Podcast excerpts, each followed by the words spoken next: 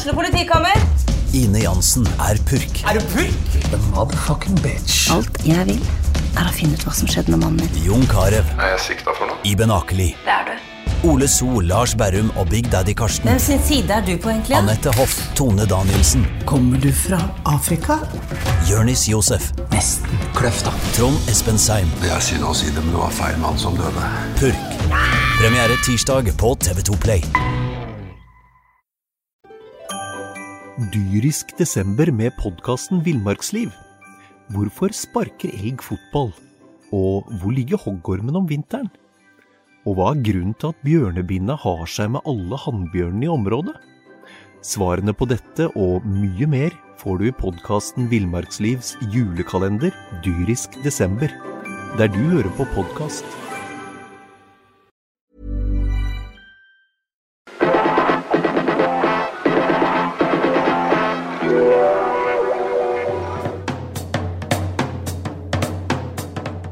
Sarpsborg Arbeiderblad gir deg en ny episode av SA-podden med Sven René Nygård, Øystein Weber, Petter Kalnes og Bjørn Inge Bingen Nilsen. Halla, og hjertelig velkommen til en eh, SA-podkast som blir sendt direkte fra Folkets Bar her på Sarpsborg Scene. Jeg kan love at podkastguttene er i eh, form i dag. Her sitter nemlig mannen som bare kan kalles hele Sarpsborgs orakel. Øystein Weber. Det var ikke dårlig. Takk skal du ha, Petter. Pent, det. Ja, veldig pent. Ellers så må jeg bare si bare en sånn korte greie. Jeg har gjort meg så pen jeg kan i dag. Men med ett unntak. Jeg hadde et stort ønske om å få denne hårsveisen som Bingen eh, har. Den litt sånn 40-talls lookaliken. Men som frisøren sa til meg, jeg er bare en enkel frisør, jeg er ikke noe trollmann. Så det fikk jeg ikke til. Nei, for Her sitter nemlig mannen som bare må kalles hele Sarpsborgs sportssjef. Ja. Bjørn Inge Binge Nilsen. Takk for det, Petter. Takk for det. Og for oss som har levd en stund, så er mannen ved min side her Han er hele Sarpsborgs lagkaptein. Sven René Captain Marvel Nygård. Takk for den. Sjøl heter jeg fortsatt Petter Kalnes og er veldig glad for å være en del av den gjengen her, for det er veldig lærerikt. Jeg lærer veldig mye om livet hver gang jeg treffer disse guttene. Før vi kaster oss over det vi skal prate om, nemlig Sarpsborg 8s premierekamp mot Haugesund, så skal jeg nevne at klokka ni om en times tid da blir det 16. mai-konsert her på denne kanalen. Og da kommer eh, karene Martin Kristiansen og Jonas Groth i spissen for et band der også Tor Hauge, Dag Anders Sandel og Sinde Dybvikstrand eh, spiller. Da blir det ordentlig 16. mai eh, for ikke å snakke om 17. mai vorspiel. Men dette skal handle om en fotballkamp, eh, Bingen. Nå ser det veldig sinna ut. Uh, Sarpsborg 8 mot uh, FK Haugesund 0-0. Hva er hovedinntrykket ditt? Jeg holdt på å si først at den har jeg fortrengt, men uh, jeg har ikke det. Jeg, for, jeg tar det positive først, så bør jo ikke overraske noen at vi klarer å spille defensivt i null. Vi er solide bak med Utvik. Eh, Anders er eh, god i mål. Vi har en Magnar Rødegård som eh, har vært god gjennom hele oppkjøringa og gjør det samme i dag. De går i krigen, og vi leverer null. Men det å forsvare seg til seier, som jeg har nevnt før, det syns jeg er veldig vanskelig. Og jeg forstår faktisk ikke noe av det offensive systemet til eh, Bakke. Hver gang vi erobrer ballen på egen banehalvdel, så gjør vi det enkelt. Veldig enkelt for alle motstandere ved at vi transporterer den ballen veldig sjeldent raskt i lengderetning. Og løpa kommer ikke. Jeg ser ingen løp som kommer som skal gå. Kone kommer ned og møter på midtbanen. Og vi triller sideveis eller slår hjemover og transporterer ballen i laget for å være sikre. Det er ingen som tør å gå gjennom et ledd eller slå gjennom et ledd. Og jeg forstår ikke at dere Stare nå i år to fortsetter i samme dur med den der tunge fembekslinja som han uh, ynder å kalle en treer bak, for det er en fembekslinje. Ser ikke noe utvikling uh, som det laget her har hatt nå på uh, med treningskamper og seriekamper så må jo være langt opp i 40 kamper. Skal jeg være helt ærlig, så tror jeg ikke jeg kan si jeg ser Hånda på hjertet, ser ingen framgang. Sven, ser du noe bedring fra det du så i fjor? Ikke i dag, eh, det er ikke noe tvil om. Jeg er veldig enig med Bingen her. Vi er veldig solide bakover, og, og vi har eh, vi slipper til lite målsjanser. Det, var, det, som var skuffende i dag, var at jeg så ikke det jeg så i noen av treningskampene nå sist, hvor midtbaneleddet da har noe bevegelse foran ballfører. for det det er klart, Er du ballfører og du ikke har én spiller foran deg annet enn Kone, som har bindt opp av to mann, og, og tre gjennom på noen lengderetning osv., så, videre, så blir det at man slår på tvers, og så begynner man på nytt igjen. Og Det stilte jeg jo spørsmål til flere, i dag, både spillere og trener, om eh, dette med bevegelse foran ballfører. For der må det skje noe. Vi kan ikke satse på at vi holder nullen i alle kamper framover. Vi kan ikke satse på at vi tar vare på den ene eller andre muligheten vi får i løpet av en fotballkamp. Vi må være litt mer kjepphøye. Vi må fram og spille med høyere risiko. For som jeg sier, Du kan spille tre kamper 0-0. Du står igjen med tre poeng. Du kan spille én kamp og vinne og tape to, og likevel har du tre poeng. Så er, vi, vi må ha risiko i laget, og da må spesielt spillerne foran ballfører sette fart. Og så er spørsmålet da eh, har de lov til det? Eh, trener man på at man vil at man skal gjøre det, eller tar man det trygge og har et system hvor man på en måte ikke får de frie tøylene, sånn som i hvert fall jeg ønsker, som vi har sett bl.a. med Bodø-Glimt litt i dag. Mm. Det er jo noe med å øve på ting, Øystein. Og særlig som Sven sier, du må få lov til å gjøre ting. Men det er noe med den derre Uh, friheten, den der fandenivoldskheten, det der å gå ut og bestemme på egen hjemmebane i seriepremiere mot et lag som tross alt ikke er tippa i toppen. Altså Haugesund er en vanskelig motstander, men allikevel, jeg, jeg, ser ikke et lag som går ut her og, og sprudler fra første stund. Nei, Jeg er enig, og jeg syns både Bingen og Sven har eh, gode poenger. Altså, Vi blir jo baktunge. Vi får, får, jo helt riktig som Bingen sier, vi spiller jo ofte med en femmer bak. Og når vi får brudd, da, så, så, så blir vi Vi får lang vei da, for å greie å produsere noe. Men så har jo også Sven et poeng i forhold til at eh, det, det, er ikke veldig enkelt å finne alternativene heller. For det er ikke veldig mange samtidige bevegelser offensivt i banen. Og, og vi setter ofte ballfører i en litt sånn kattepine. For i utgangspunktet så, så ønsker eh, helt sikkert ikke eh, folk å slå så mye støttepassinger og tversover som vi har sett eh, nå egentlig over lang tid. Det har blitt et slags mønster. Vi er for litt giftige framover. Og sånn sett så var dessverre kampen i dag et skal jeg kalle det, relativt tydelig déjà vu på det vi så i 2020. Så jeg håper at det er bedring i vente. Jeg hørte Hans Petter Arnesen før, før kamp sa at jeg håper vi får noen tydelige svar i dag. Til det så vil jeg si til Hans Petter at uh, jeg håper ikke at dette her var de tydelige svarene han håpa å se.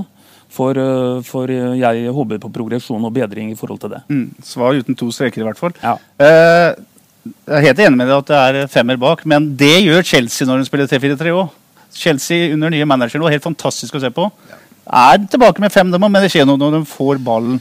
Eh, er det for blir det for koblestilpinger? Er det for avansert? Er det ikke, kan man ikke gjøre ting automatisk? Slå en enkel pasning og komme i et løp? Liksom, jo, jeg, men jeg skjønner jo ikke det spillesystemet offensivt vi har heller. For jeg ser jo ikke noe gjenkjennelse. Det er ikke noe gjenkjennelse her. sånn. Det er jo ikke øh, altså, Nå kan jeg hive ut en brannfakkel. Jeg kan godt si det her. Altså. Jeg, er, eh, jeg, er, misfornøyd med, med, jobben Stare har gjort uh, til nå. Jeg er ikke noe gærent med Stare som person. Uh, hilser på han og alt. Men jeg hadde forventa at han skulle klare å utvikle laget i litt mer positivt offensivt. Vi kommer til å slite med å skåre mål. Vi har, hadde én ketsjup-effekt, og det var ingen som skjønte noe på stadion etter 20 minutter når vi spilte mot Stabæk i fjor sommer. Da leda vi 4-0 den der, der, Vi får jo ikke noen sånne. Vi sliter med å skåre. Skårer motstanderen ett på oss, så sliter vi med å få poeng alle kamper vi skal spille, vi. Med, eh, med det offensive systemet vi har. Og så kan jeg si, Hadde vi da hatt Kjetil Knutsen i Bodø-Glimt, som da mista tre spillere som sto for uh, hvor mange målpoeng? 95 målpoeng. 95 målpoeng i fjor i Bodø-Glimt. De maler på og skårer mål kamp etter kamp igjen. Et drilla system. Vi ser Saltnes kommer på den der, eh, dype løpa sine. Han gjør det med ballen, det kommer opptegna løp osv. Sanne tingen. Hvis, jeg nekter å tro at det mannskapet til 08 er, hvis du tar spiller for spiller, et nedrykkslag. Men vi opptrer som et nedrykkslag. Du må tilpasse systemet til spillerne du har, og kvaliteten til spillerne. Og vi har kommet i, bli, i et blindspor. Jeg ser ikke noe framgang etter 10 kamper i fjor, 20 kamper i fjor eller 30 kamper i fjor. Og nå begynner vi på'n igjen med første kampen, hvor vi ser kommer egentlig et Haugesund-lag som er blotta for selvtillit. Og vi klarer bare 0-0 på Sarpsborg stadion. Vi kunne faktisk tapt dem her i kampen nå. 4-3-3 i Bodø er oppløst opplest og vedtatt. De holdt på med i årtier. Eh, Stare er her i sin andre sesong. Er det ikke litt rart at du ikke gir mer tid for å få spilt inn et offensivt system? Du kan godt gi Jeg forsvarer, jeg, vi kan, jeg, jeg, jeg men... vi, vi, kan godt gi det mer tid, men min påstand er at vi fortsetter med det her, her sånn så kommer vi til å gå ned. Mm. Nå har vi klart det med nød og neppe to år på rad. Først med Geir Bakke siste sesongen til han Geir. Og så var det Stare i, i fjor. Og det blir ryggen mot veggen. I, det, er, det er nesten opptjent, opp, opplest og vedtatt. Men det jeg syns var litt positivt, at vi hadde i hvert fall noen langskudd. Det kunne gått inn. Vi har i hvert fall begynt å fyre. øh, Og gjør vi ikke det, så får vi aldri mål. Men jeg er øh, jeg tror mannskapet, eller jeg mener spiller for spiller at mannskapet har mer inne enn det Stare får ut av laget per dags dato. Systemet eller enkeltspillere som er problemet? Vanskelig spørsmål, fordi sånn som jeg ser det når en sentral midtbanespiller, eh, Saletro selv Nicolay Næss, får ballen, så tenker jeg hvorfor kan ikke den andre splitte opp litt? Gå på et lite løp noen meter opp imellom leddet til motstander. Det samme med håper si, indreløpere eller kantspillerne våre. Det er der jeg er litt i tvil, fordi at det, jeg ser ikke at de prøver engang.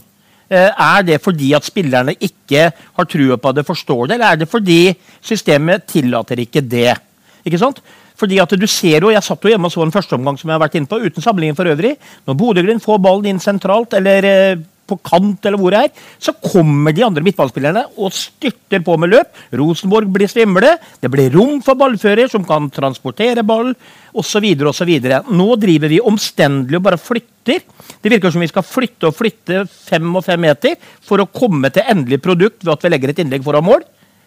Der, eh, der er jeg helt enig med Bingen. Det å forsvare seg med å, å spille sånn som vi gjør nå, det kan bli kjempeskummelt. Vi må tøre. Vi må sette fart på de her to andre som ikke har ballen, eller de tre andre. Skaffe rom. Vi har fortsatt nok folk på riktig side, og komme på rett side når vi taper ball. Så helt enig. Det er eh, vi må jeg har sagt det som mange risiko, vi må ta risiko. Vi må tøre å vinne fotballkamper.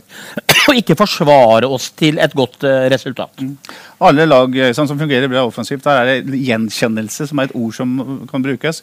Vi husker flopasningen, vi husker innerløperen til, til Rosenborg osv. osv.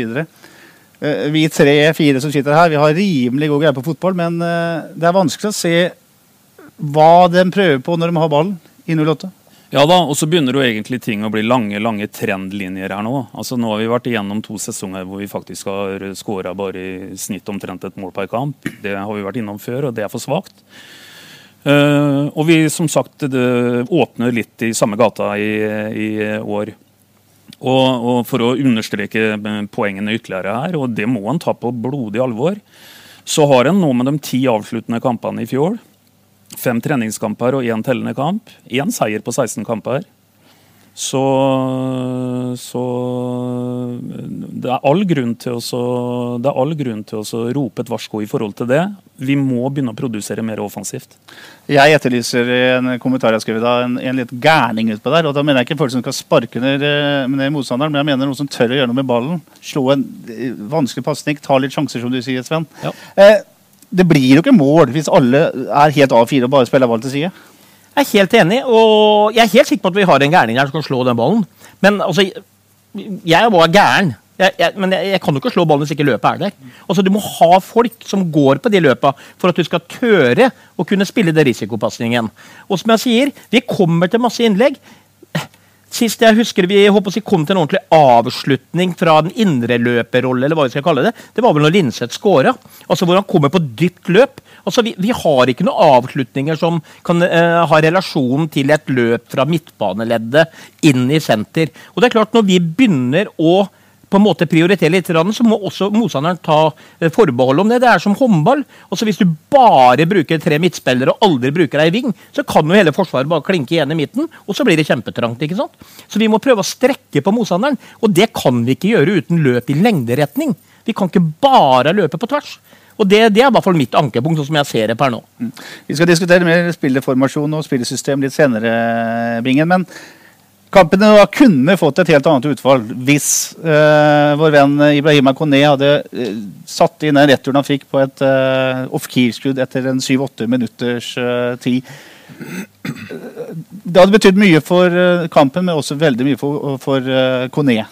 Ja, ja, absolutt. Han jakter jo mål, han. Og han tar mye smerter, og han gir mye smerter. og han er, er, mye i begivenheten, han. Men jeg forstår Ja, det hadde vært annerledes hvis han hadde skåret, og det hadde vært fint for laget om vi kunne fått et mål tidlig der.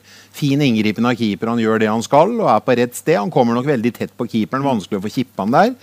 Men det hadde be betydd noe. Men eh, jeg forstår ikke eh, bruken av Kone eller når han skal ramle ned på midtbanesirkelen for å både være oppspillspunkt og gå i hodedueller og ikke det kommer noe løp rundt den eller i bakrom. Jeg syns det er helt sånn elementære A, B, C-tingene. Nå er de så mange trenere. Det er dødballtrener, det er eh, han portugiseren, du har han eh, he, he, Hedlund. Hedlund, og du har eh, Bakke, holdt jeg på å si, og du har eh, Stare. Og, det er, og, og det, det, er mulig det blir litt for mange å forholde seg til. Altså, for at jeg tror Stare er sjefen, det er ikke noe tvil om det. Men jeg syns det er veldig rart at man ikke ser sånne elementære feil. At han får utrolig lang vei til mål hver gang vi erobrer ballen. Og vi, vi, vi, kommer jo Boyang kom ja siste 85. Ja, Vi kommer jo rundt på kanten, kan vi sikkert alibi, si alibi. Men ja, men Det skulle faen meg bare mangle om ikke vi kommer rundt på kanten nå, men vi måtte vente nesten til det 85. før det kom. Joakim klarte å komme inn foran uh, fra sin eh, si, eller kantrolle og fikk hoppa inn og nesten igjen i mål. Det hadde jo nesten vært for godt å være sant hvis Joakim skulle vært jokeren i 16. mai og vi hadde vunnet 1-0. Men det var et helhjerta løp, og det var flott at han kom seg foran, men han var jo ikke akkurat ferdig skåra. Det var mer ferdig skåra den som Linseth hadde mot Mjøndalen i treningskampen. Uh, var ikke det et par uker siden, tro? Par-tre uker siden? På stadion? Stabæk, ja. Og Stabæk, unnskyld. ja. Var jo, det var jo et praktangrep som du refererte til i stad. Mm. Men det er mye som ikke stemmer her. Jeg syns vi får utrolig lite litt igjen for pengene. Vi bruker veldig mye penger rundt sporten, og vi har en stor stall. Vi har mange ansatte trenere. Jeg syns vi får uh, omregna i poeng nå i forhold til antall millioner vi bruker, så syns jeg vi, vi, får litt igjen. Også. Jeg syns ikke vi er det derre artige, humørfylte uventa laget som uh, trollbandt uh, veldig mange, og som alle likte og ble glad i. Vi var uh, uforutsigbare. Vi, nå er, det, nå er det egentlig grått. Veldig grått. Veldig grått. Vi holder oss i Ibrahim Kone, Sven. Han er jo liksom det store, den, den store signeringa i år. Berntsen sa til oss i stad at han forventer et tosifra antall mål. Syns du det lukter tolv mål av Kone sånn det ser ut nå? For helt ærlig så tror jeg jaggu det kunne lukta tolv mål av han, men uh, det er måte på, da. Altså, han, han, er jo satt ut i en utrolig vanskelig jobb.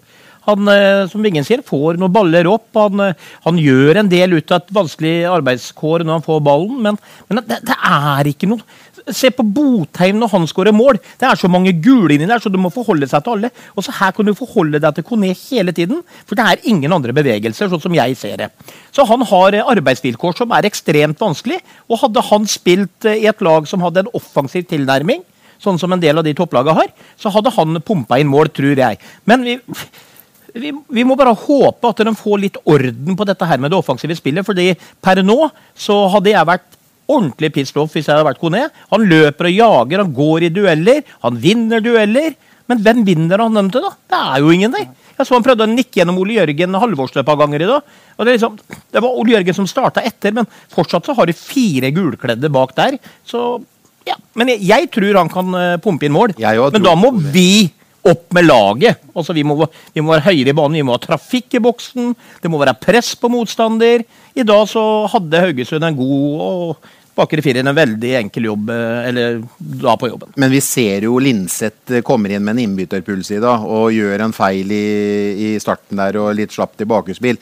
Men herregud, når du ser Linseth får de første fem minuttene og får roa pulsen litt Han er jo nyttig for det laget her i form av både kløkt, teknikk, pasningsfot og ikke minst løpsstyrken. Han er jo det nærmeste vi kan komme en Ulrik Saltnes, eh, spør du meg. Nå refererer vi veldig til Bodø-Glimt. men han må jo ha med sånne spillere det er på laget. Som du sier, Bingen Linseth han kommer på de løpa som er litt uforutsette, sånn som Doff gjorde uten sammenligning. Ja, ja. Men, men, når han kommer, så må jo Haugesund ta høyde for han. Og da skjer det noe med strukturen til motstanderen, ja. som igjen lager rom, og hvor du kan bruke kreativitet. Men hvis du får ligge med en firer eller femmer på midtbaneleddet, i en stram linje, og ikke noen prøver å gå bak det, piece of cake.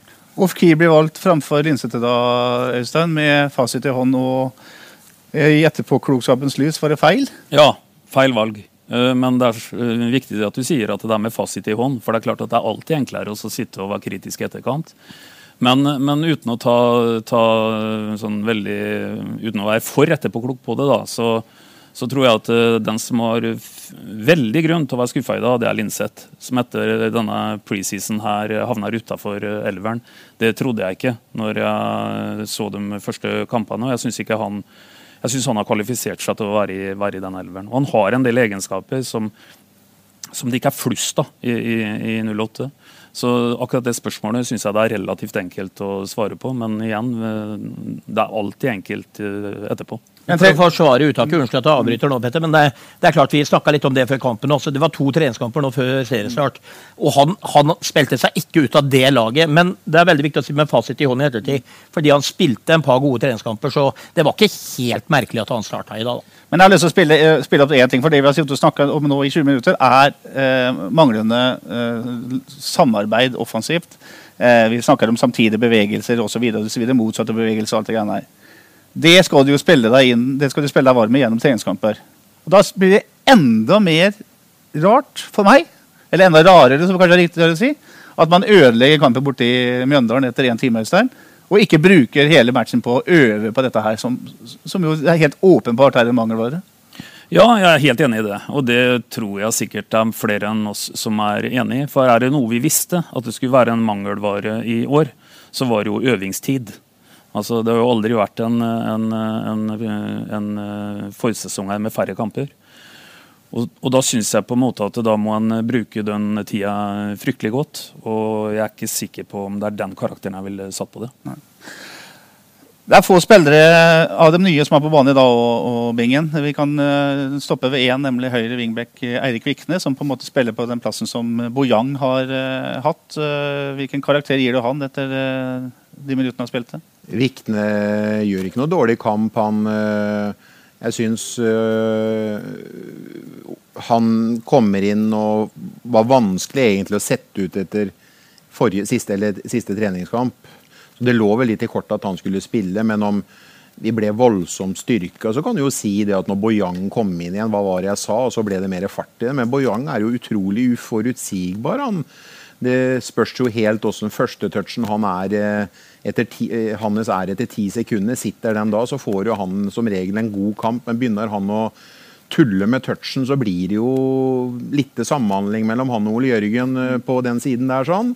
Jeg syns Vikne og Ole Jørgen klarte det, og Vikne leverte en helt helt ålreit kamp uten at han klarte å sette sitt voldsomme preg, eh, preg på det. Så fullt godkjent. Men det virker på meg som om wingbackene er ekstremt viktig i dette 3-4-3-systemet. Det ser vi også på de lagene som fungerer internasjonalt, sånn som uh, nevnte Chelsea.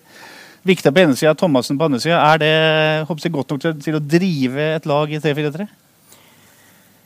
Det er jo et veldig godt spørsmål. eh, Men nok en gang, da, så er, hvis du er wingback og har ballen helt ute på kanten, her, sånn, så er du avhengig av bevegelse rundt deg. Du er avhengig av trafikk inn i boks for å kunne finne noen med legga dine osv. osv. Så, videre. så jeg syns Vikne var veldig positiv i et spesielt første omgang. Han var mye delaktig, hadde mye ball, kom til dørlinjer. Eh, og så kan man også legge til det at hvis vi snakker om, eh, om noen imponerte i dag, så må jeg være bånn ærlig og si at jeg, jeg satt hjemme og tenkte så. For meg så var det ingen som imponerte i dag. Det var grått, det var eh, ja. Altså Anders Kristiansen han har to-tre inngripener. Det er alt han hadde. Gjorde jobben sin. Eh, Kan ikke forlange noe mer. Men ellers så syns jeg det var eh, totalt sett grått i hele laget. Det var, det var medium minus. Og det var ingen som jeg kan dra fram som jeg jeg gjerne si dere andre hvem dere ser på, men som, som var en ener i dag. Jeg vil ta en, en situasjon til, eh, Øystein. Det er sånn at eh, På transfermarkedets siste dag så kommer eh, Michel Felix til Sarpsborg fra AIK. Sist søndag i Mjøndalen, på det vi kaller Nedre Eiker stadion, så fikk Emil Pålsson en sjelden sjanse sentralt på banen. Og tanken var at han skulle holdes varm. Når man i dag gjør bytter, så er det eh, svenske Felix som kommer innpå. Er det, noe, er det noe personalbehandling som du syns høres bra ut? Han kan jo ikke ha imponert så voldsomt på, på to treninger eh. Nei, men på den annen side så er det en viss logikk i det. For hvis du signerer en spiller i ti uker, som du egentlig har gjort med han eh, Felix Michel, så, så skulle det bare mangle om du ikke har en tanke om å bruke å bruke den. Uh, Bingenes har snakka litt om det, vi òg. Kan godt si at det kanskje var litt overraskende at han allerede i dag fikk eh, debuten sin. Men igjen, han har skrevet en veldig veldig kort kontrakt. Og tanken med det da må jo være at han skal brukes. Ellers hadde det jo på en måte vært helt meningsløst. Eh, men, eh, men, jeg er enig i at eh, det virker litt sånn vinglete også i forhold til det som er generalprøveoppstillinga her. Så, men jeg syns heller ikke at Felix hadde noe voldsom da på jobben. Og han kjenner vi jo altfor lite av, så vi får håpe også han har et større potensial. Jeg syns det så litt, litt, tungt og litt tregt ut. Stare har jo sagt at han har savna muskler midt på banen. Sven. Får han de i Felix? Det tror jeg helt sikkert. og Jeg er enig i han, det Veberg sier her. Sånn, men, men samtidig, hvis en analyserer de minuttene han fikk, så var han i sentrum til mye. Han var i boksen og hadde muligheter. Han var i noen tøffe dueller. Han sklei en par ganger. derfor jeg lurte på om han hadde smurt med feil smøring. Men, men, han var veldig mye der det skjedde. Og det kjennetegner en kriger. En kriger oppsøker situasjoner der ballen er. Og det så du helt tydelig når han skaller ned sin egen spiller eh, i Nicolay Næss. Så har han kanskje en faktor som kan gå inn i et oppgjør på slutten av fotballkamper eventuelt også, hvor at du skal inn og krige til deg poenga så tror jeg han er en uh, ordentlig unnskyld uttrykk, en kødd å møte. Så, så, det lille jeg så han i da, helt enig, det var ikke temposterkt, men han var veldig mye der det skjedde. Og det kjennetegner også en sånn en, uh, Kall dem gjerne en drittsekk ute på banen her, som de håper de har fått. Syns du, Ommen? Ja, det, det, må jo være en spiller som Stare har voldsom tro på, ettersom de har fått den litt. Og så han går i kø. Han bare sniker jo forbi køen til uh, de andre som sitter og håper, som vi henta tidligere i, i, eller før sesongen. Han var uh, mye involvert, men fikk liksom ikke Kanskje han er en sånn en spiller som uh, blir litt uh, usynlig, men som enhver trener elsker å ha i laget sitt, som kan gjøre litt utgang uten å være så synlig. Kanskje ikke har den siste passen, kanskje ikke skårer det målet. Kjenner han ikke. Men uh, han har nok mer inne, og han kommer sikkert til å få spille så lenge Stare har så tro på han. Jeg vil bare referere én ting til til Sven i stad. Uh, vi, må ikke glemme at vi holder nullen, og at der, jeg, jeg, regner med at du glemte det, ellers så er vi uenige. Uh, jeg syns jo Magnar og Utvik og Anders Kristiansen gjør, gjør, jobben sin i dag med, med nullen bakover, Sven. Ja da, og det er ikke tvil om. Men som jeg sier, når du blir baktunge, spiller med femmere. Og du har, møter et, et, lag som Haugesund som i store perioder i dag. Jeg føler at de kom for å få med seg det poenget. Så satte de ikke noe stort press på guttene. og Jeg snakka også litt med Utvik etter kampen. Og jeg sa akkurat det samme, at du har i hvert fall gjort jobben din, Utvik. Dere har holdt nullen og gjort en bra kamp. Men han var ikke helt fornøyd med det defensive. Men jeg er helt enig, altså. Ingen av dem gjør seg bort. Men det er den her fremtredende rollen. Den du kan sitte etter kampen og Fy svarte, han var god i dag. Han var god i dag. De var der, de gjorde jobben sin, men det var ikke noen som tok den ledestjerna i dag, i mine øyne. Det er ingen som skinner. Det er, ingen som, eh, det er ingen som, har den derre ja, Det er jo ingen som har en X-faktor. Det er jo Ingen er jo i nærheten av X-faktor i det laget offensivt nå. Nei, Men det er jo også en eh, liten viktig nyansering her, Petter. For, for det er klart at en sånn analyse nå den blir jo kan, litt sånn grå. Uh, det er ikke engang sånn 50 shades of grey. Det er ganske ensfarga grått. Uh, men da skal en jo huske på da, at det har noe med kollektiv å gjøre, det her. Og som, og som Sven sa i stad, Eh, det kan godt hende Kone har en god del mål i seg, men det krever at det er mye trøkk og trafikk i, i boksen. Uh, noe vi har sett altfor lite til, og det blir produsert altfor lite sjanser. Det er ikke sånn at Kone brenner i ti sjanser, og det er grunnen til at vi sitter og fortviler litt. Vi kommer jo til veldig lite sluttprodukt på det. Og det er vel ikke veldig vanlig at du har noen edelstener som skinner veldig i det grå. Så, så, det, så, alle her blir jo litt prega av at det kollektive leverer for dårlig. Mm. Og Når dere ramser opp uh, de defensive spillerne, så må vi også ta med Dyrestad. Vi må ta med vingbekkene Thomassen og ja. Vikne i det defensive spillet, for de var jo bra alle sammen. er helt enig. Vi har, uh, har et, uh, noen spillere igjen vi må kommentere. Det vil si Vi skal ta den sentrale midtbaneenheten. Uh, det starta med Ness og Saletros. Så kommer Felix inn der. Da flytta Saletros opp, og så blir plutselig Felix spiss og Saletros tilbake i den gamle rolla. Men la oss holde oss til Saletros og Ness. Vi har snakka om og vært redd for at Saletros vil bli for dyp, for langt fra motstandsmål, for langt fra spissen. Sier vi det da, Bingen? Nei, jeg eh, sier det som jeg har sagt om Saletros i den rollen hele tiden. Det er et misbruk av hans kvaliteter. Og han blir litt synlig. Han blir gråere og gråere. Og han og Ness, Ness hadde en, eh, en, skuffende kamp der i dag. Hvor ikke du ser at man går gjennom et ledd. Den går ikke av en mann. En eh, slår ikke gjennom et ledd. Jeg syns det blir så utrolig sikkert og safe med de der sideveise pasningene eller støttepasning nedover. Så hvis du spør dem, så er de sikkert superskuffa over situasjonen sin. Og jeg kan ikke skjønne at Saletros er fornøyd med å spille så dypt i banen og skal hjem og hente dem. Er det fordi at han føler at han ikke har nok ball at han skal hjem og hente den? Fan, bruk han i tierrollen bak, eh, bak en spiss, og så slå de geniale pasningene som vi vet han kan. Er det noen som kan slå korte og åpne opp uh, motstanderforsvaret, så er jo Saletros. Og så får Linseth eller får han uh, Ness. Ness balansere den ved å slå de crosserne sine som han er så god på får jo mye mer istedenfor at de to skal sitte i det defensive der. sånn. Helt uenig. Jeg er egentlig så forbanna på den der formasjonen øh, som ikke noen som verken sitter på tribunen eller det ser ut som dem som spiller på laget, skjønner noe av, eller?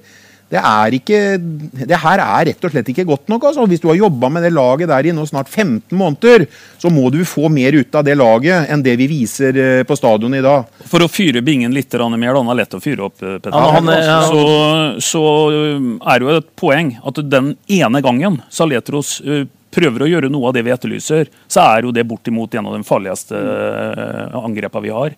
Han spiller gjennom ledd, han spiller en vegg, og, og han avslutter. Et relativt farlig skudd. Og da sitter du jo virkelig med følelsen av Kjære Anton Saletros, kan du ikke forsøke litt mer av det? Mm. Men er det ikke et sunn fornuft, eller helt logisk, altså, når du har Ness og Saletros Én er i utgangspunktet en veldig defensiv midtbanespiller, mm. og egentlig midtstopper. Mm. andre er en offensiv midtbanespiller. Mm. Er det ikke logisk da at Ness balanserer, og du slipper fri Saletros litt? da? Jo, men jeg, nevnte jo det i stad i forhold til å splitte opp. Mm. Altså, Det er som stopper her før i tida. Spiller med to flate stoppere, så splitter den ene opp og gjør seg spillbar. Og så har, er han et spillpunkt. Han bør jo kunne stikke fra det leddet og få den ballen i mellomrom. han eh, pasningssikker Nicolay Næss. Men, men, jeg snakker jo til det kjedsommelige med at eh, kreativiteten til Aletros det er hans styrke som fotballspiller. Men sånn som han spiller i dag, hvem skal han bruke kreativiteten på? Hvem skal han trene om til?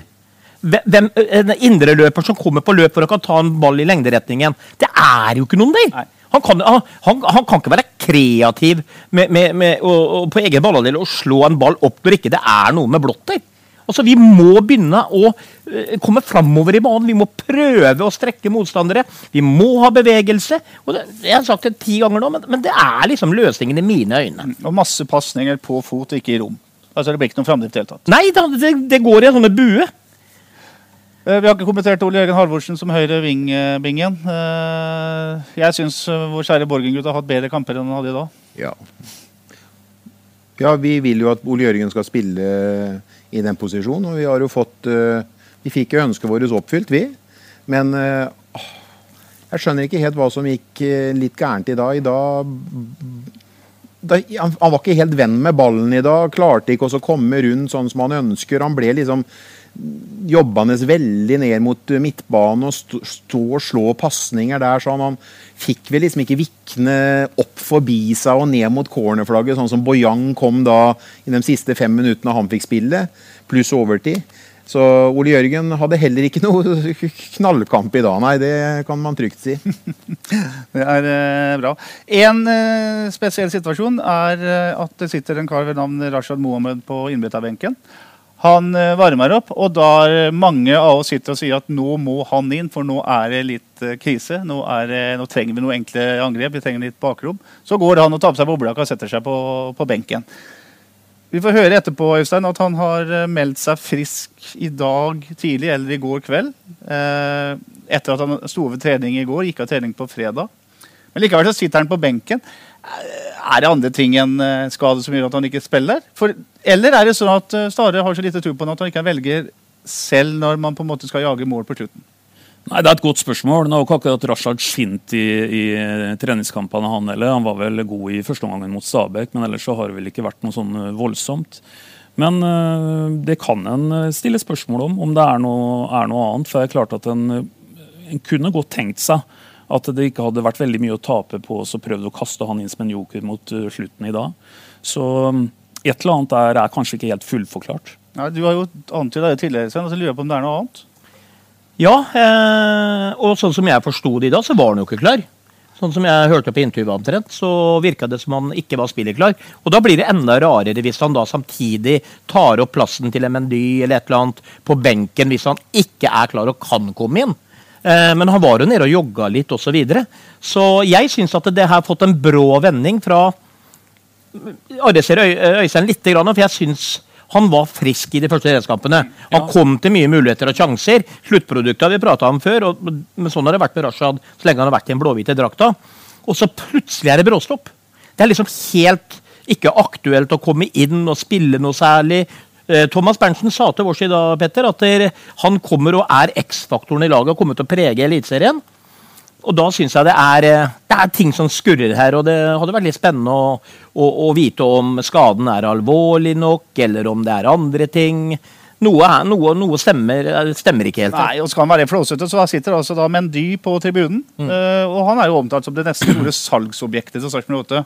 Uh, det blir jo helt meningsløst hvis Rashad uh, er skada og ikke kan være med i kampen. Ja, så er det et tilleggspoeng til, og det er jo at hvis Rashad, som Sven sier, ikke er klar, så kunne en jo tenkt seg at en tar med en spiller allikevel for at en har en enorm eh, hva skal vi kalle det, påvirkning på gruppa osv. Og, så mm. og at det er derfor hun sitter der og er en slags sånn lagets klovn som du mm. trenger som et muntrasjonsråd. Jeg tror ikke Rashad har den rolla i laget. Det tror ikke jeg heller. Vi har uh, mange trofaste lyttere. En av dem heter Glenn Bolin, og han har meldt oss i dag Øystein, om spillesystemet. Han savner et uh, enklere system. Uh, han savner en 4-3-3-formasjon. Eh, for eksempel, altså han, han, vil ha noe annet enn 3-4-3. Er det hele løsningen, Bingen? Er 4-2-3-1-systemet f.eks. med, med Saletros i den uh, tilbaketrukne spissrolla uh, ja, jeg, jeg, jeg, jeg ville jo sagt uh, åpenbart. Uh, for stort svakere enn det vi presterer nå. det er Det skal, det, skal man lete lenge etter. Så jeg forstår ikke hvorfor man tviholder på det. Og det blir så baktungt. Og det blir så lang vei når vi er i ordet ballen. Og jeg tror at det har vært mye mer klarere roller med to stoppere og to sidebekker istedenfor at vi havner med femmer bak hver eneste gang. Mm, Forsvarsspillerne er gode nok til å være bare fire? Er de ikke det? Jo, og så må vi nyansere bildet litt eh, i forhold til hvor helgrått vi tegner det. For det er offensivt vi snakker. altså. Vi, vi er solide defensivt, og, og, og, vi slipper ikke til veldig mye. Og det har vært et slags mønster også over tid. Ja, men Vi blir spennende, altså, vi blir spennende med fem bak. Jeg er enig, og det gjør jo at det blir lang vei fram de gangene vi bryter. Og, og i tillegg kanskje en Kone kommer veldig i møte. Da har vi jo egentlig ingen så, så, så jeg, jeg, jeg syns det er interessant eh, det han eh, Glenn Bolin kasta kaster fram der, med å, med å kjøre en klassisk flatfirer bak der, og mener at det bør være solid nok. Og jeg er tilbøyelig til å være enig i det. Mm. Da får vi også flere folk rundt uh, Kone, som vi har snakka om. Altså, nå blir han ufattelig alene, Sven. Ja, men jeg, jeg, sitter med en sånn, jeg kan ikke noe for det, er mulig jeg har feil, men jeg sitter med en liten følelse at grunnen til at han spiller med disse tre bak, det er rett og slett for at vi blir en femmer defensivt. Rett og slett fordi det er utrolig trygt. Eh, vi slapp inn nesten minst mål i Eliteserien, selv om vi holdt på å rykke ned. ikke sant? Og at, det, at han jobber ut ifra tryggheten defensivt mot å håpe å få til noe mer offensivt.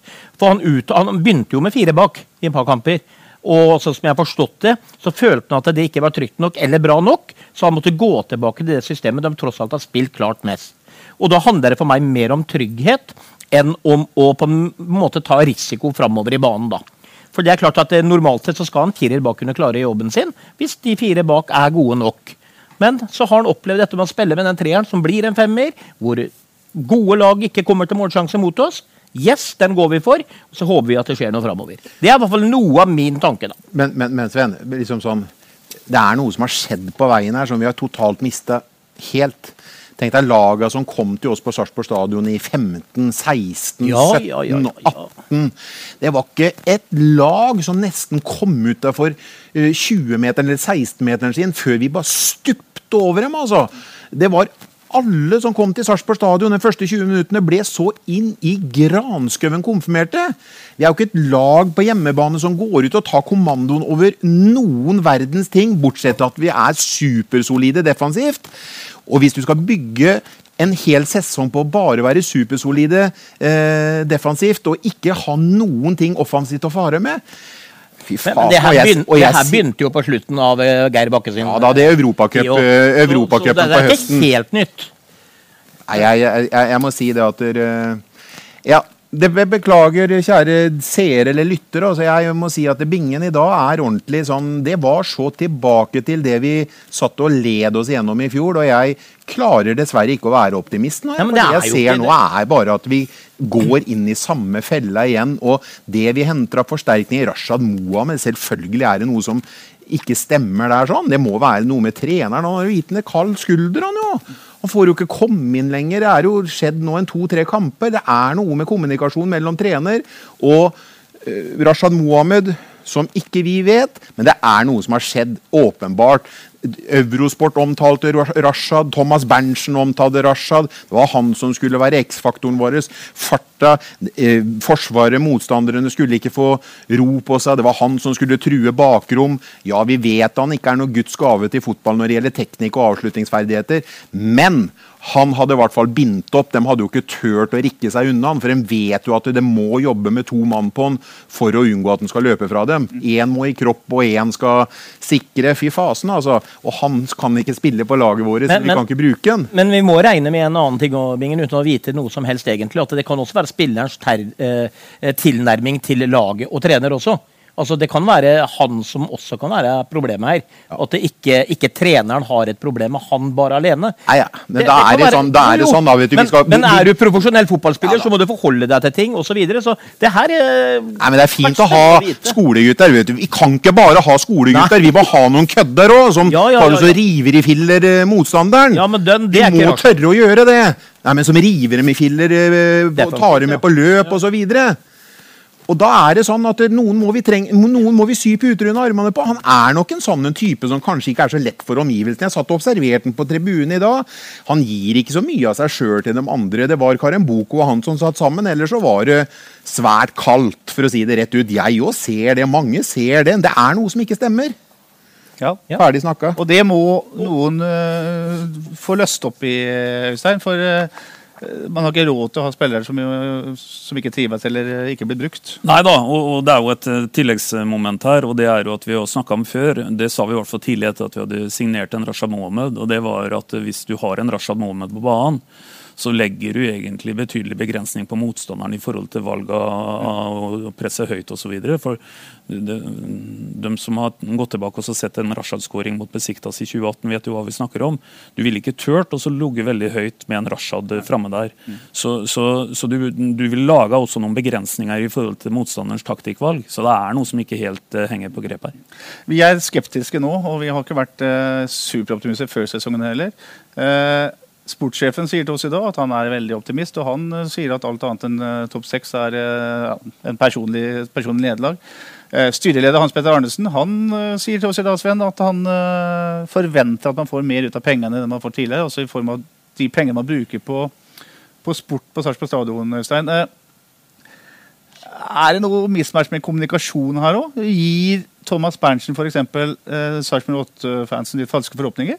Ja, det kan være, men for å ta det siste først, da, i forhold til det Hans Petter sier at en forventer å få mer ut ifra, for en bruker mye penger nå, så, så følger jeg Hans Petter 100% i det. For som jeg har sagt, når det gjelder å vurdere Sarpsborg som eliteserieby, så må en greie å ha to tanker i hodet samtidig. Det er veldig sterkt isolert sett å gå i gang med den niende strake sesongen. Nå vet alle etter hvert at det er seks lag til pluss oss som gjør. Så den CV-en der den er udiskutabelt god. Men når en først har satt seg i den posisjonen som en har satt seg i, med å ha de midlene en har på et eh, transfermarked, så må en forvente nå, så eh, hardt og brutalt er det, at vi ikke skal være noe dårligere enn andre konkurrenter, helst litt bedre, enn de som bruker tilsvarende midler som det vi gjør. Så det er grunn til å stille, stille spørsmål om det. Da kan vi legge vekk den der litt, den der med at det er flott at vi har eliteseriespill, for det er selvsagt ingen selvfølge.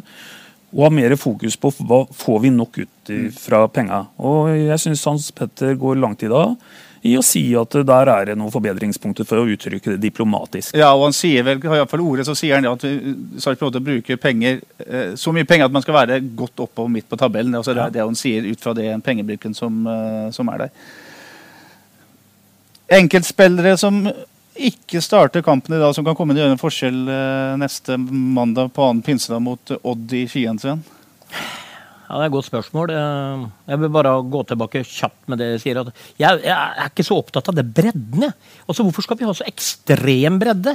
Altså, Litt mer spissa. Eh, Jeg har sagt det før også. Vi eh, har seks, sju, åtte spillere som kan komme inn og gjøre en jobb. Jeg har bare fire, da. Og så har vi en som på en måte kan gå inn. Så du, du kan hente og si Binge Nilsen, du kommer til å forsterke laget. Men han koster så mye. Ok, så får vi spare på de tre andre, da. Og så får vi den spilleren som vi ønsker, som vi vet. Det har jeg savna de siste åra. Men tilbake til spørsmålet ditt. Det er et veldig godt spørsmål. I utgangspunktet så er det så mange dager til kamp nå, så i dag så starter han vel med da, som han tenker er sin beste elver.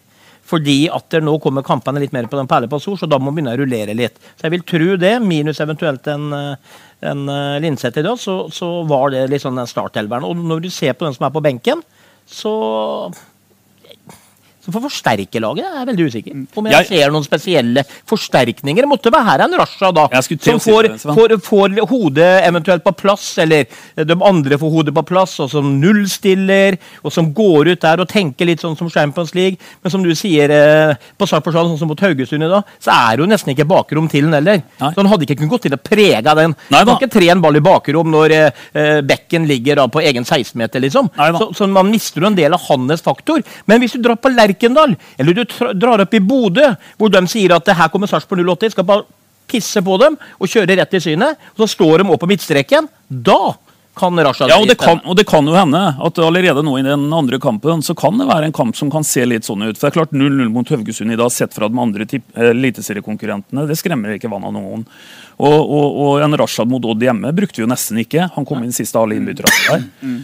Eh, kanskje Stara er en pokerspiller og fyrer opp Rashad så mye nå med å ikke sette den inn på i dag og alt det greiene rundt dette her, så han starter mot eh, Odd borte.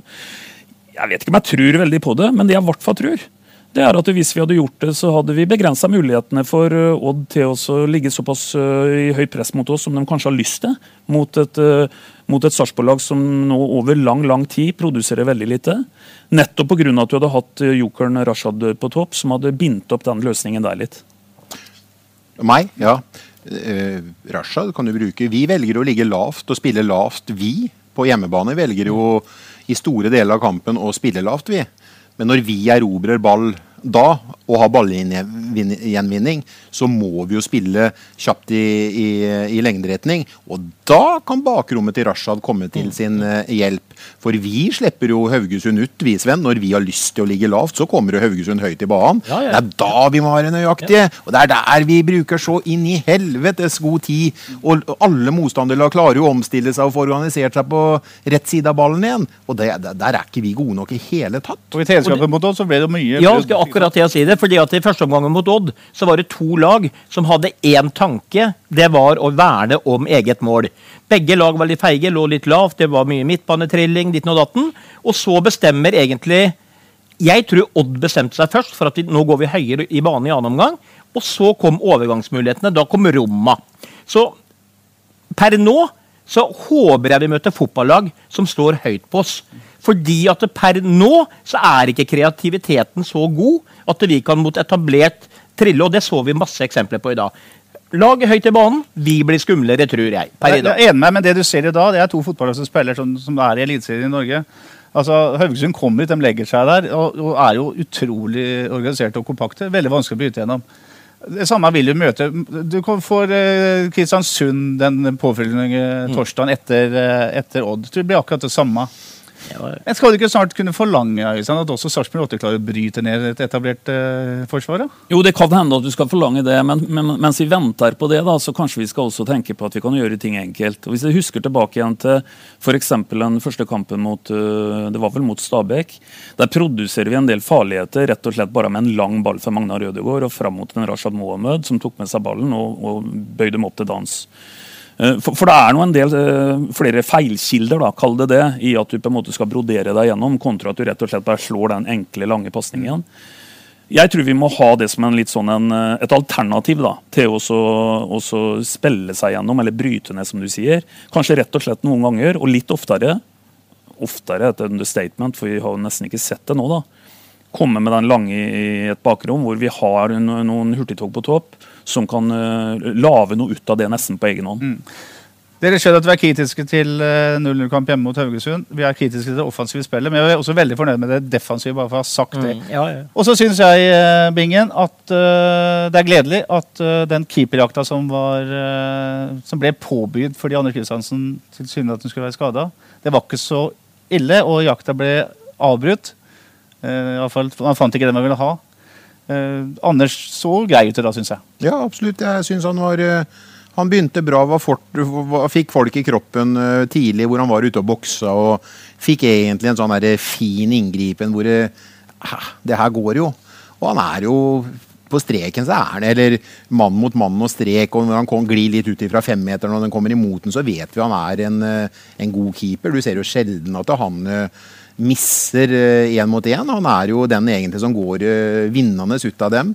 Så jeg syns Anders eh, sto en veldig god kamp, og jeg, jeg, jeg forstår meg ikke helt på den, den skaden han, eh, ha, ha, han fikk. Det var jo som om eh, han skulle være borte i lang tid, men eh, det var gledelig at han sto i dag, og så får vi håpe han står fortsatt. Og han dunker sikkert 15 lange baller uten Ja. problem.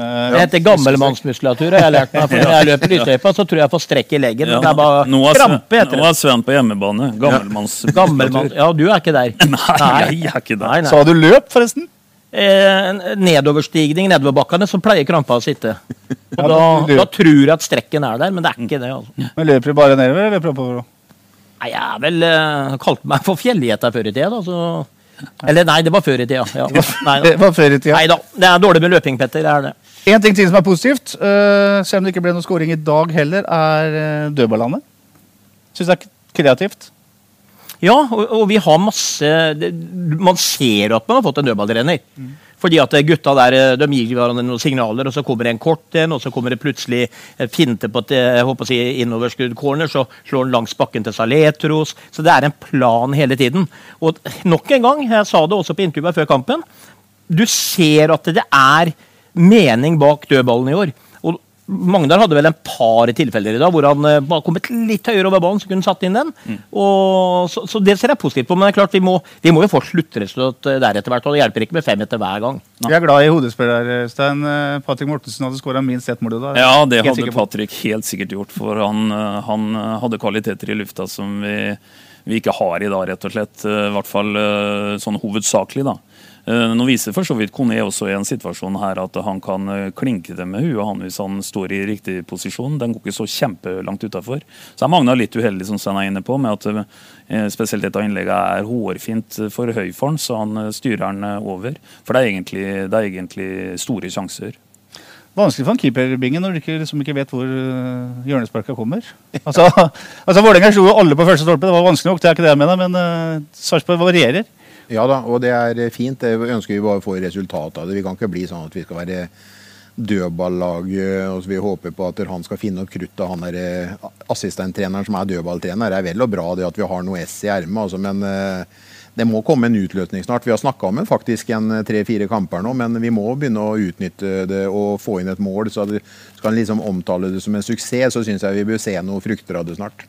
Ja, det er så kravstor. jeg er På grinte, rett og slett. Ja, jeg er det. Det er 16. mai, så. Ellers så hva det jo suksessformelen fra 2018 tatt fram igjen. da, Stein Lange innkassa til Thomassen. Ja, eh, Nesten så vi sitter nede i Belgia og fryser. Ja, Det som mangla litt vet du, i forhold til 18, da, det var en Zakariassen som kom på noe løp bak der, og som skapte noe etter at en Tam for eksempel, gikk og vant første duellen der på innkastet. altså Det, det ble jo skapt farligheter nesten hver gang eh, Thomassen kasta innkast på den tida der. Så det var jo det var like farlig, eh, like farlig som en corner, rett og slett. Bra. Vi skal se litt ut av vår egen uh, sarpeboble òg, gutter. Vi har snakka mye om eh, en viss Guillermo Molins i denne podden. Vi holdt på hele høst, uh, for hele desember måte, skulle ha han tilbake til Eller vi skal ha med oss videre. Han havna på Lerkendal, og det første han gjør, eh, er å skåre mål. eh, Bingen. Er du overraska at han allerede har eh, spilt en rolle på Lerkendal? Eller i Rosenborg? Ja, Når han ikke spilte noen rolle hos oss, så synes jeg at bortsett fra kampen mot Rosenborg, så syns jeg det er veldig rart at han har nå spilt to omganger på Hvor mange dager er det? Det er vel Jeg husker nesten ikke hvem da det er. Torsdag, torsdag til søndag. Ja. Torsdag til søndag. Så ja, Hareide tar han jo ut i pause, for han er eh, veldig obs på muskulaturen hans. Og de har jo jobba sammen før, så at vi henta han for at han skulle være en krumtapp og, krumtapp og bærebjelke som Kay Lafferty skulle være året føre, det, det satt nok ikke helt hos oss. Det hadde han definitivt ikke kropp til. Så det ble jo for oss eh, en spiller vi ikke fikk utnytta i, i hele tatt. Jeg syns egentlig spørsmålet nesten blir litt feil stil, for jeg er helt uenig med Bingen hvis han er overraska over at en skadefri Molins eh, leverer på Lerkena. Det overraska i hvert fall overhodet ikke meg. Eh, Det han heller kunne spurt om, det er er en overraska over at han rett og slett er skadefri. For jeg syns jo at han leverer, spesielt i den Stabæk-kampen hjemme da vi vinner 4-0, selv om han ikke kommer på skåringslista, så syns jeg han beviser der at, eh, at det var en eh, klassespiss. Så, så jeg er ikke overraska over det. Men, men det betyr ikke at eh, bena hans holder i hele den perioden han skal være med. Men igjen, da. Vi har kommentert det der en gang tidligere òg. Hvorfor henter Rosenborg en Molins? De henter han på like kort eller lang kontrakt omtrent som vi nå har henta han Felix i første omgang. Og for Rosenborg så er dette her en liten, liten forsikringspremie for å ha en som kan produsere noe. Og jeg er helt sikker på at hvis Molins eh, skårer Jeg får holde meg til det tallet jeg sa sist. To mål i, dem, eh, i den tida han er eh, på Lerkendal, så er det, forsvarer det dem den pengebruken, sånn som Rosenborg eh, driver business. Be- Beklager spørsmålsstillingen her, Orakel. Det var ikke meninga å Det får gå for denne gangen, Petter. Men nå har han jo to målpoeng på to omganger, ikke sant? Og Ja. han skåra først. Og, Ja. og det, jeg så jo Du bare ser i mottaket han har eh, oppe på Aspmyreida, hvor han bare vet at Holse kommer bak seg. Bare en liten chip. Og som de genierklærte også på Eurosport, da, at det er ikke bare det, men han vet at Holse er venstrebein. Så han, han, han- er ferdig lagt, liksom. Og, og han hadde en del andre situasjoner. Dette er jo en spiller på et høyt nivå, men det er klart jeg forstår at man ikke kan hente spillere på høyt nivå hvis ikke de orker å spille fotball, men sånn som han gjør nå, om han tar en omgang her og omgang der, så kan han bli tunga på vektskåla i alle kamper han får en omgang. Og så kler han en storklubb, gjør han ikke det? Jo da, han er jo en, eh, han er jo en type som eh, kler eh, den største scenen, han. Og jeg tror at han kommer til å høre mer fra i denne sesongen. Eliteserien så langt, uh, Bingen. Eh, noen, inkludert meg sjøl, har trodd at Bodø-Glimt skulle stoppe litt. Ja, Sånn ser det ikke ut. Den bare maler på. Veldig bra. Selvfølgelig så skuffer jo Vålerenga. Vålerenga har vel egentlig, til å være så superhypa som dem har vært, så har de én uavgjort, én seier og et tap. De er vel ikke helt i gang eh, der. Og så er jo skuffelsen etter superhypen, det må jo være i Stavanger. Og så overrasker vel Tromsø noen, vil jeg tro. Molde og Rosenborg er vel på trekk, og jeg holdt på å si, vi Geir har Bakke ikke fikk seg en smell i Drammen i dag mot uh, ja, u, u, u, det var jo ingen som hadde venta. Jeg er veldig spent på fortsettelsen i Vålerenga. fordi at nå har de sjøl gått ut og sagt at de skal slåss om gullmedalje. og Fagermo er Fagermo, han kjenner vi alle. Og en del av oss har allerede begynt å bli kjent med Dønnum òg. Og her snakker vi Rolexer, og her er det full pakke. Og i dag så fikk jeg ikke hørt det sjøl, men jeg leste det jo i media at eh, i dag ba han jo treneren sin holde kjeften sin, blant annet, så alle hørte det. Og litt mer skuring der nå, med en Fagermo som har fått hente spillere på høy kvalitet osv., så, videre, så kan det bli ja, såpeopera etter hvert. Det blir spennende. More rundt Fagermo og Vålerenga er ikke noe lett klubb i motgang. i hvert fall, Øystein. Vi skal avslutte med å se inn i den glasskula som ender med, med et landslagsopphold. Det er eh, Odd borte, Kristiansund hjemme og Tromsø borte, Øystein. Mange poeng må vi ha for at du Nå er fornøyd? kommer den berømte uka med Ja. tre, tre kamper. Ja. Nei, altså Hva sa vi i fjor, da? Vi sa at uh, alt annet enn sju poeng på de tre første kampene ville være en fiasko. og Vi sto med null etter fem. Så, så det eneste som er helt sikkert, er vel at eh, det vi eh, gjetter på sier noe om nå, det er jo et utrolig lavt nivå på det, Petter. Må- Så ærlig må vi jo være. Men la oss si at vi hadde greit oss å få fått med oss uh, fire poeng da, på de tre kampene. Da tror jeg vi skal være sånn passe godt fornøyd. Så er det vel riktig å tro at man drar til uh, Skien for å underholde uh, Bingen. Da lukter det vel fortsatt et eh, 3-4-3, eller la oss si 5 bak, da. Ja, bare han får det til å fungere, så Men spillerne må i hvert fall skjønne hva de skal gjøre. da. Hva jeg tror om de tre kampene, ut ifra hva vi viser defensivt, så tror jeg vi kan spille til null i hver kamp, men det er usannsynlig. Eh, men at vi skårer noe særlig mer enn ett mål eh, per kamp. Og at det fort kan bli tre uavgjort eller et tap. At vi står igjen med to poeng eh, på de tre kampene. Sånn som vi opptrer om dagen nå, så er det der vi er. Er du litt mer lystig til sinns? Jan? Når du tar og leser opp de kampene, så noen ganger så får du sånn magefølelse hvordan resultatene blir. Så jeg eh, fikk nå helt klart ett poeng bort mot Odd, tre poeng hjemme mot Kristiansund, og så ryker vi på Alfheim. Ja. Der oppe, Jeg, jeg er dypt, dypt imponert over eh, Tromsø så langt. Maken til beinflytting. Eh, masse bevegelse for ballfører. Hadde Bodø-Glimt til kne de første 20 minuttene og på Aspmyra òg. Hadde store muligheter. Men som jeg har sagt, uavgjort, seier, tap. Ja. Og dere som sitter hjemme og ser på dette her, noter dette her, for det ble sagt altså av hele Sarpsborgs lagkaptein Sven René Nygaard. Vi har holdt på en time. Tida går fort når vi har det hyggelig, gutter. I morgen er det 17. mai. Uh, sløyfa skal være på i morgen òg? Ja, Står den rett på, eller? Nei, ser ikke spesielt bra ut, men eh, Ellers må jeg bare sende en siste melding til Bingen. for Han drev og surra litt med at de spiller mot Mjøndalen for tre uker siden. ja, ja, ja, ja. Jeg vet ikke om du har hørt om han som eh, fylte 70 år, og så ble han spurt om hva er det du kjenner det mest på nå når du begynner å bli litt gammel. Og da sa han det er først og fremst tre ting. Det er korttidshukommelsen, det er ryggen, ja, og så er det korttidshukommelsen. Så det var bare en sånn Bingen. ja. Vi håper dere har hatt et lite ålreit uh, fotballnachspiel med oss. Nå kommer altså konsert om litt. Da er det våre venner Jonas Groth og Martin Kristiansen som eh, er spydspisser, og så har de med seg den spiller, med, den spiller med tre bak dem og Bingen. Tor Hauge, Dag Anders Andel og Sindre Dybvikstad. Det kommer til å bli fint. Det kommer til å bli sleger på sleger. Bingen, Sven René og eh, Øystein, takk for eh, praten. Og så ha en fin 17. mai. I like måte. Så prekes vi etter at Sarpsborg 08 har Hva var det du skulle gjøre mot Odd? Vinne? Nei, der ble det ett poeng. Ja. Så blir det tre mot Kristiansund, og så blir det tap dessverre mot, eh, mot Tromsø på Alfheim. Men da har vi i hvert fall fire poeng på de tre kampene. Ja, Da prekes vi etter uh, uavgjort i Kina, i hvert fall. Vi prekes. Vi prekes. Prekes. Ha det. SA-podden presenteres av Fleksi. Regnskap med et smil.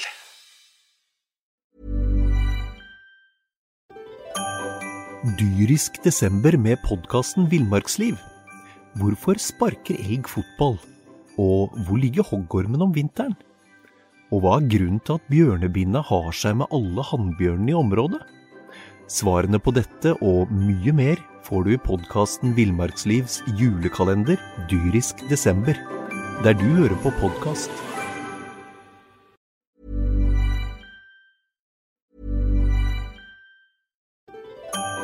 Dyrisk desember med podkasten Villmarksliv. Hvorfor sparker elg fotball? Og hvor ligger hoggormen om vinteren? Og hva er grunnen til at bjørnebinna har seg med alle hannbjørnene i området? Svarene på dette og mye mer får du i podkasten Villmarkslivs julekalender Dyrisk desember, der du hører på podkast. Ukens annonsør er HelloFresh. HelloFresh er verdens ledende matkasseleverandør og kan være redningen i en travel hverdag. Mange av oss har nok vandret i butikken både sultne og uten en plan for middagen, som ender med at vi går for de samme kjedelige rettene gang på gang. Middag burde være dagens høydepunkt. Som HelloFresh kan du nå velge mellom 25 ulike retter hver eneste uke, eller få HelloFresh til å sette sammen menyen for deg. Dette gir deg muligheten til å prøve nye og spennende retter alene eller sammen med familien. Du velger antall porsjoner og får alt levert på døren på et tidspunkt som passer for deg. Oppskriftene er enkle, og maten er lett å lage både for store og for små. Ved å få alt levert hjem får du også mer tid til å dele matgleden med familie og venner. Kanskje det frister med asiatiske tacos eller greskinspirert kylling? Da kan jeg anbefale deg om å gå inn på hellofresh.no. Her kan du bruke koden FOTBALL og få opptil 1779 kroner i rabatt på de første fem matkastene hvis du ikke har prøvd HelloFresh tidligere. Du kan også bruke rabatten hvis du har vært kunde og stoppet abonnementet ditt for tolv måneder siden eller lengre. Gå inn på hellofresh.no og bruk koden FOTBALL. Har du et enkeltpersonforetak eller en liten bedrift?